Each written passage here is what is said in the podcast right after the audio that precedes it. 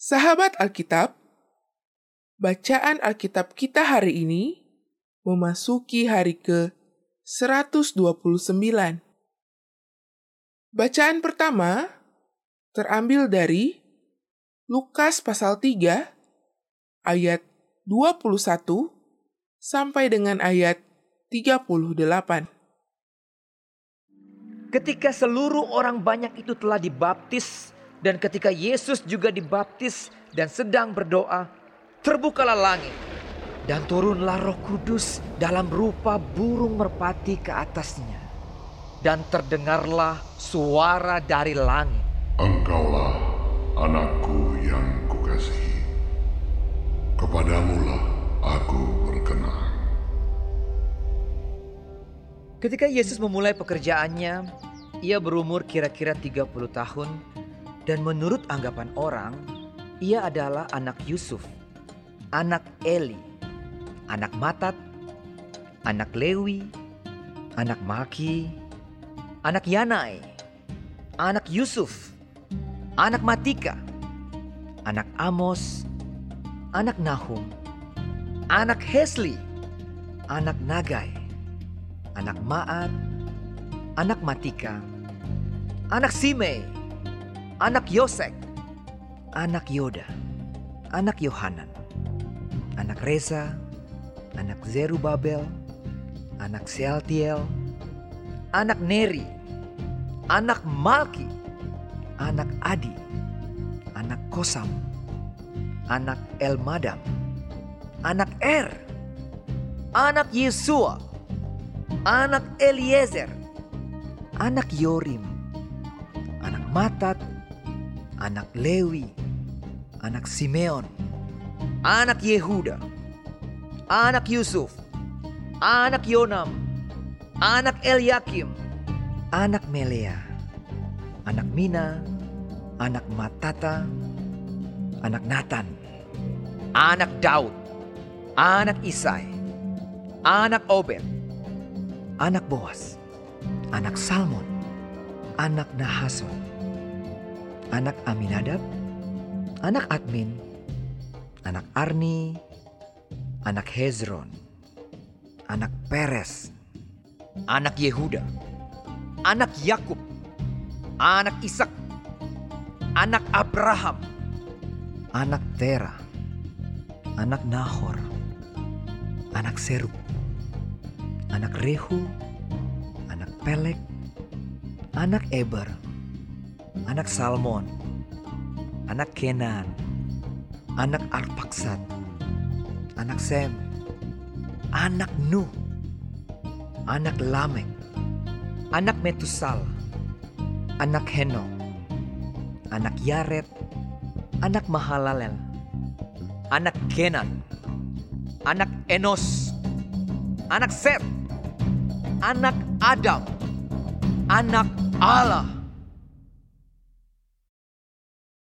Bacaan kedua terambil dari Yehezkiel pasal 42 sampai dengan Yehezkiel pasal 43.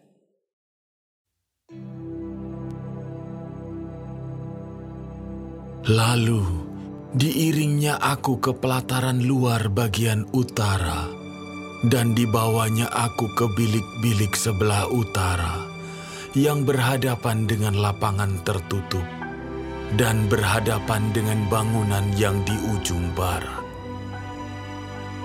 Panjang bangunan bilik-bilik itu di sebelah utara ialah seratus hasta dan lebarnya lima puluh hasta. Berhadapan dengan yang dua puluh hasta dari pelataran dalam dan berhadapan dengan lantai batu yang terdapat di pelataran luar, ada serambi yang berhadap-hadapan dan yang bertingkat tiga.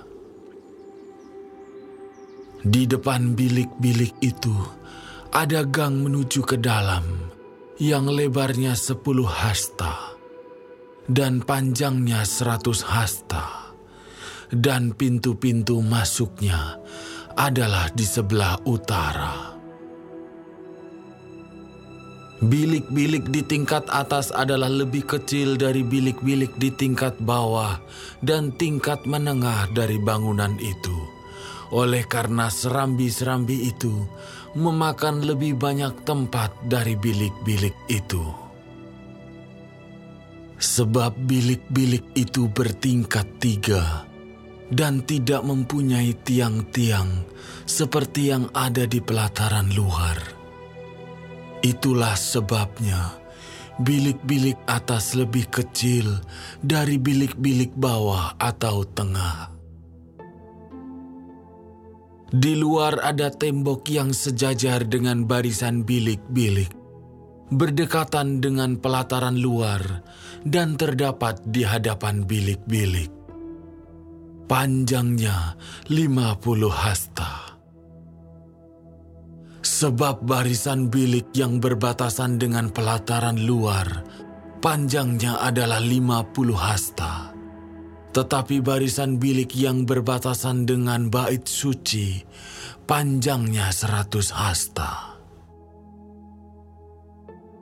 Di bagian bawah bilik-bilik ini, terdapat pintu masuk dari jurusan timur kalau orang dari pelataran luar ingin masuk ke dalamnya, dan pintu itu terdapat pada pangkal tembok luar. Di sebelah selatan, di hadapan lapangan tertutup itu, dan di hadapan bangunan yang di ujung barat, ada juga bilik-bilik, dan di depannya ada gang. Bilik-bilik ini serupa dengan bilik-bilik yang di sebelah utara. Panjangnya dan lebarnya, pintu-pintu keluar dan rancangannya. Seperti pintu-pintu masuk di sebelah utara. Begitulah pintu-pintu masuk bilik-bilik yang di sebelah selatan. Ada juga pintu pada pangkal jalan yang melintang di sisi tembok, yaitu pintu dari jurusan timur. Kalau orang ingin masuk ke dalam bilik-bilik, lalu ia berkata kepadaku, "Bilik-bilik yang di utara dan bilik-bilik yang di selatan, yang menghadap ke lapangan tertutup, itulah bilik-bilik kudus." di mana imam-imam yang mendekat kepada Tuhan memakan persembahan-persembahan Maha Kudus. Di sana, mereka akan menaruh persembahan-persembahan Maha Kudus, korban sajian, korban penghapus dosa, dan korban penebus salah. Sebab tempat itu kudus. Kalau para imam masuk ke tempat kudus, mereka tidak akan keluar ke pelataran luar sebelum mereka menanggalkan pakaian mereka di sana, yang dipakainya waktu menyelenggarakan kebaktian, sebab pakaian-pakaian itu adalah kudus. Mereka harus memakai pakaian yang lain, barulah mereka boleh datang ke tempat umat Tuhan. Sesudah ia selesai dengan mengukur seluruh bangunan dalam itu, ia mengiring aku menuju pintu gerbang yang menghadap ke sebelah timur, lalu mengukur sekeliling lingkungan bait suci itu. Ia mengukur sisi timur dengan tongkat pengukur 500 hasta menurut tongkat pengukur Lalu ia berputar dan mengukur sisi utara, 500 hasta menurut tongkat pengukur. Ia berputar lagi ke sisi selatan dan mengukurnya 500 hasta menurut tongkat pengukur. Kemudian ia berputar ke sisi barat dan mengukurnya 500 hasta menurut tongkat pengukur. Keempat sisinya diukur. Sekeliling lingkungan itu ada tembok. Panjangnya 500 hasta dan lebarnya 500 hasta untuk memisahkan yang kudus dari yang tidak kudus.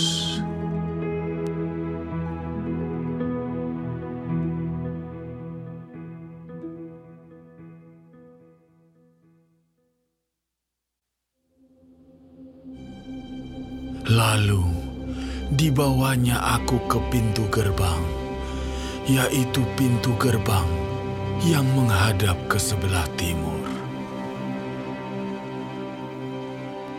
Sungguh, kemuliaan Allah Israel datang dari sebelah timur, dan terdengarlah suara seperti suara air terjun yang menderu. Dan bumi bersinar karena kemuliaannya.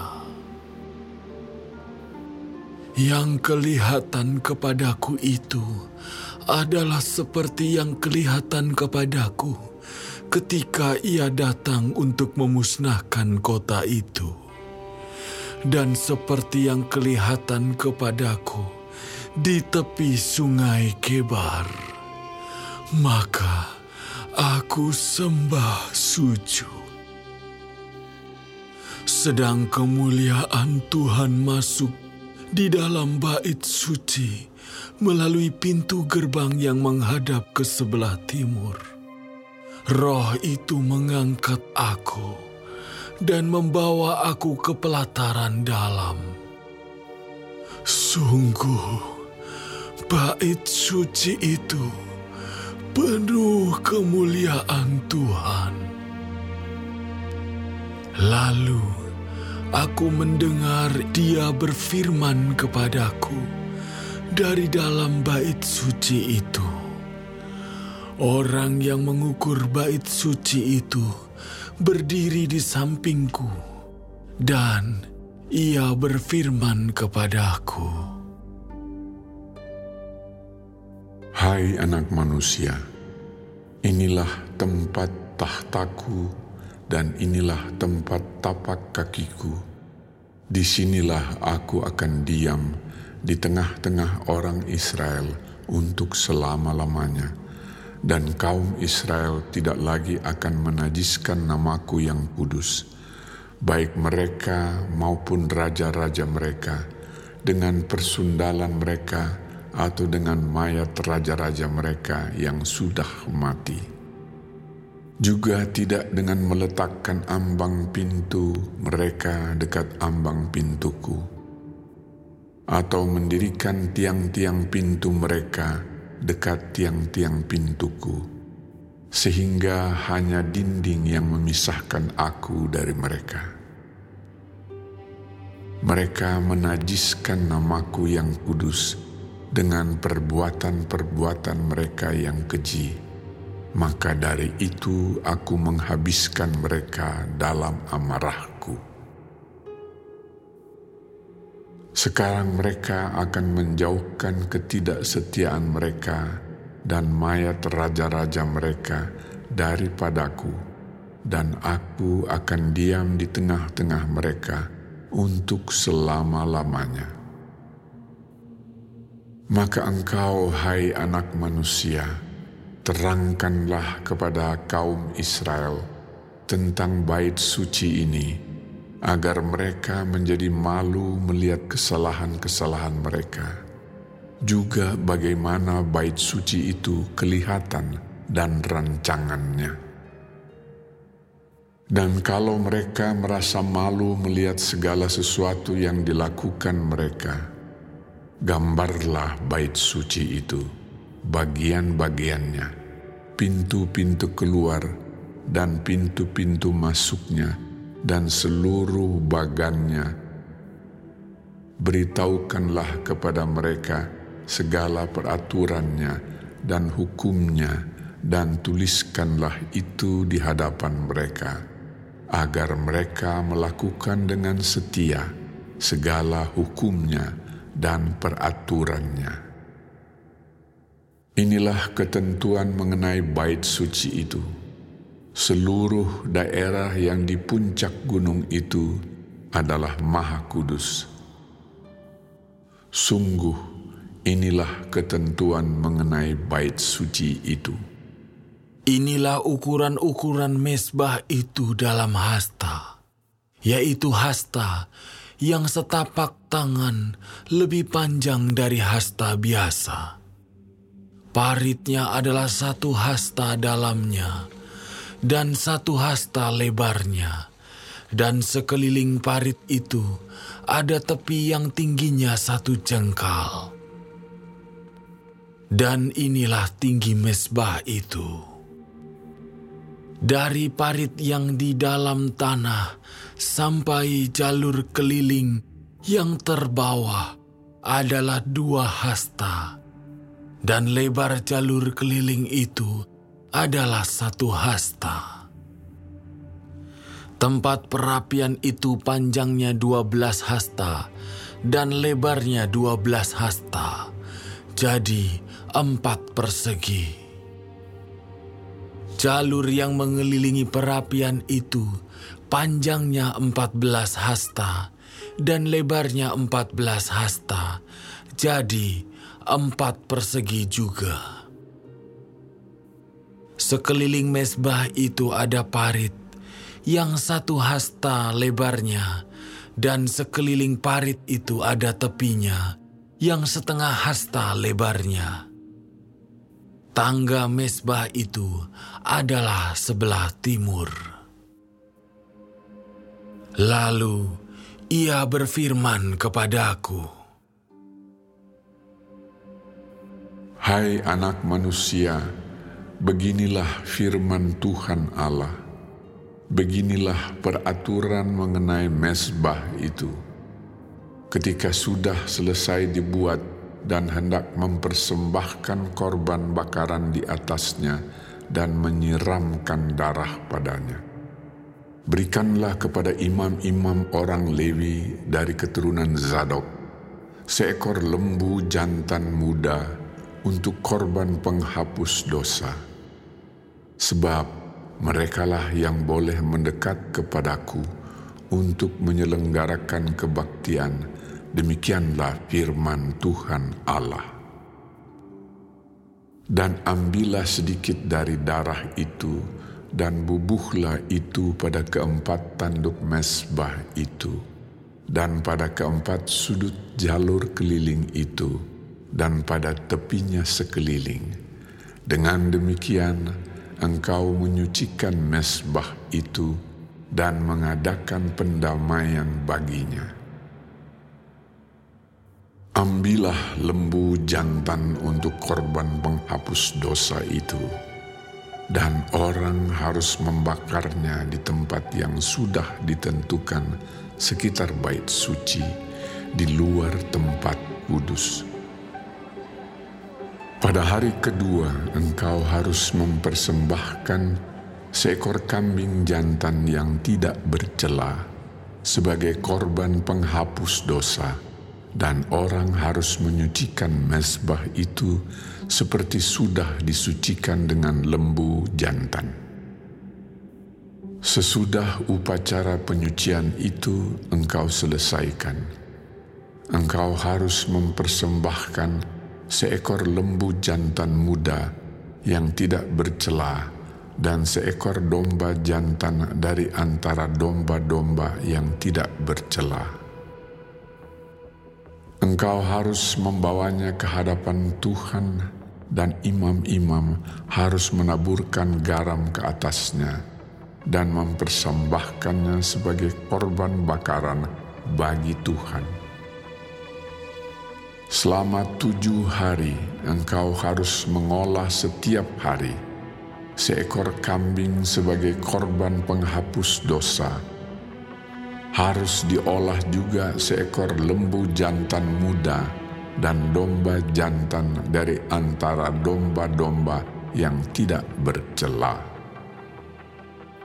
Tujuh hari lamanya mereka harus mengadakan pendamaian bagi mesbah itu serta mentahirkannya dan dengan demikian mentahbiskan mesbah itu.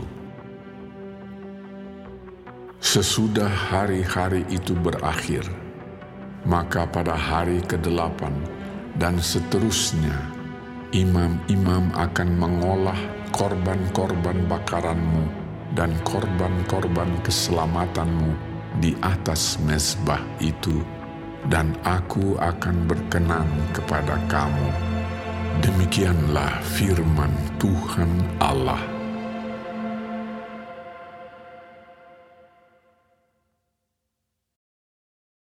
Bacaan ketiga terambil dari Yesaya pasal 63.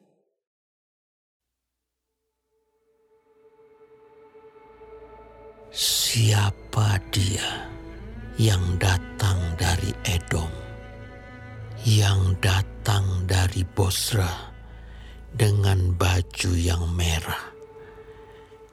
Dia yang bersemarak dengan pakaiannya, yang melangkah dengan kekuatannya yang besar. Akulah yang menjanjikan keadilan dan yang berkuasa untuk menyelamatkan. Mengapakah pakaianmu semerah itu dan bajumu seperti baju pengirik buah anggur? Aku seorang dirilah yang melakukan pengirikan. Dan dari antara umatku tidak ada yang menemani aku. Aku telah mengirik bangsa-bangsa dalam murkaku. Dan aku telah menginjak-injak mereka dalam kehangatan amarahku. Semburan darah mereka memercik kepada bajuku, dan seluruh pakaianku telah cemar. Sebab hari pembalasan telah kurencanakan, dan tahun penuntutan bela telah datang. Aku melayangkan pandanganku, tidak ada yang menolong. Aku tertegun tidak ada yang membantu. Lalu tanganku memberi aku pertolongan, dan kehangatan amarahku itulah yang membantu aku. Aku memijak-mijak bangsa-bangsa dalam murkaku, menghancurkan mereka dalam kehangatan amarahku dan membuat semburan darah mereka mengalir ke tanah. Aku hendak menyebut-nyebut perbuatan kasih setia Tuhan.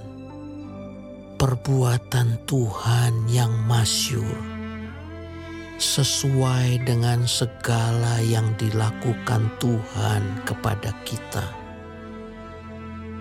dan kebajikan yang besar kepada kaum Israel yang dilakukannya kepada mereka sesuai dengan kasih sayangnya dan sesuai dengan kasih setianya yang besar. Bukankah ia berfirman, Sungguh, merekalah umatku anak-anak yang tidak akan berlaku curang. Maka ia menjadi juru selamat mereka dalam segala kesesakan mereka. Bukan seorang duta atau utusan, melainkan ia sendirilah yang menyelamatkan mereka. Dialah yang menembus mereka dalam kasihnya dan belas kasihannya. Ia mengangkat dan menggendong mereka selama zaman dahulu kala. Tetapi mereka memberontak dan mendukakan roh kudusnya. maka ia berubah menjadi musuh mereka, dan ia sendiri berperang melawan mereka. Lalu teringatlah mereka kepada zaman dahulu kala, zaman Musa hambanya itu. Di manakah dia yang membawa mereka naik dari laut bersama-sama dengan penggembala kambing dombanya? Di manakah dia yang menaruh roh kudusnya dalam hati mereka? Yang dengan tangannya yang agung menyertai Musa di sebelah kanan, yang membelah air di depan mereka untuk membuat nama abadi baginya, yang menuntun mereka melintasi samudra raya seperti kuda melintasi padang gurun. Mereka tidak pernah tersandung seperti ternak yang turun ke dalam lembah. Roh Tuhan membawa mereka ke tempat perhentian. Demikianlah engkau memimpin umatmu untuk membuat nama yang agung bagimu. Pandanglah dari sorga dan lihatlah dari kediamanmu yang kudus dan agung. Di manakah kecemburuanmu dan keperkasaanmu? Hatimu yang tergerak dan kasih sayangmu. Janganlah kiranya engkau menahan diri. Bukankah engkau Bapa kami? Sungguh, Abraham tidak tahu apa-apa tentang kami, dan Israel tidak mengenal kami. Ya Tuhan, Engkau sendiri Bapa kami. Namamu ialah penebus kami sejak dahulu kala. Ya Tuhan, mengapa Engkau biarkan kami sesat dari jalan-Mu? Dan mengapa Engkau tegarkan hati kami sehingga tidak takut kepadamu? Kembalilah oleh karena hamba-hambamu, oleh karena suku-suku milik kepunyaanmu. Mengapa orang-orang fasik menghina tempat kudusmu? Para lawan kami memijak-mijak bait kudusmu. Keadaan kami seolah-olah kami dari dahulu kala tidak pernah berada di bawah pemerintahanmu. Seolah-olah namamu tidak pernah disebut atas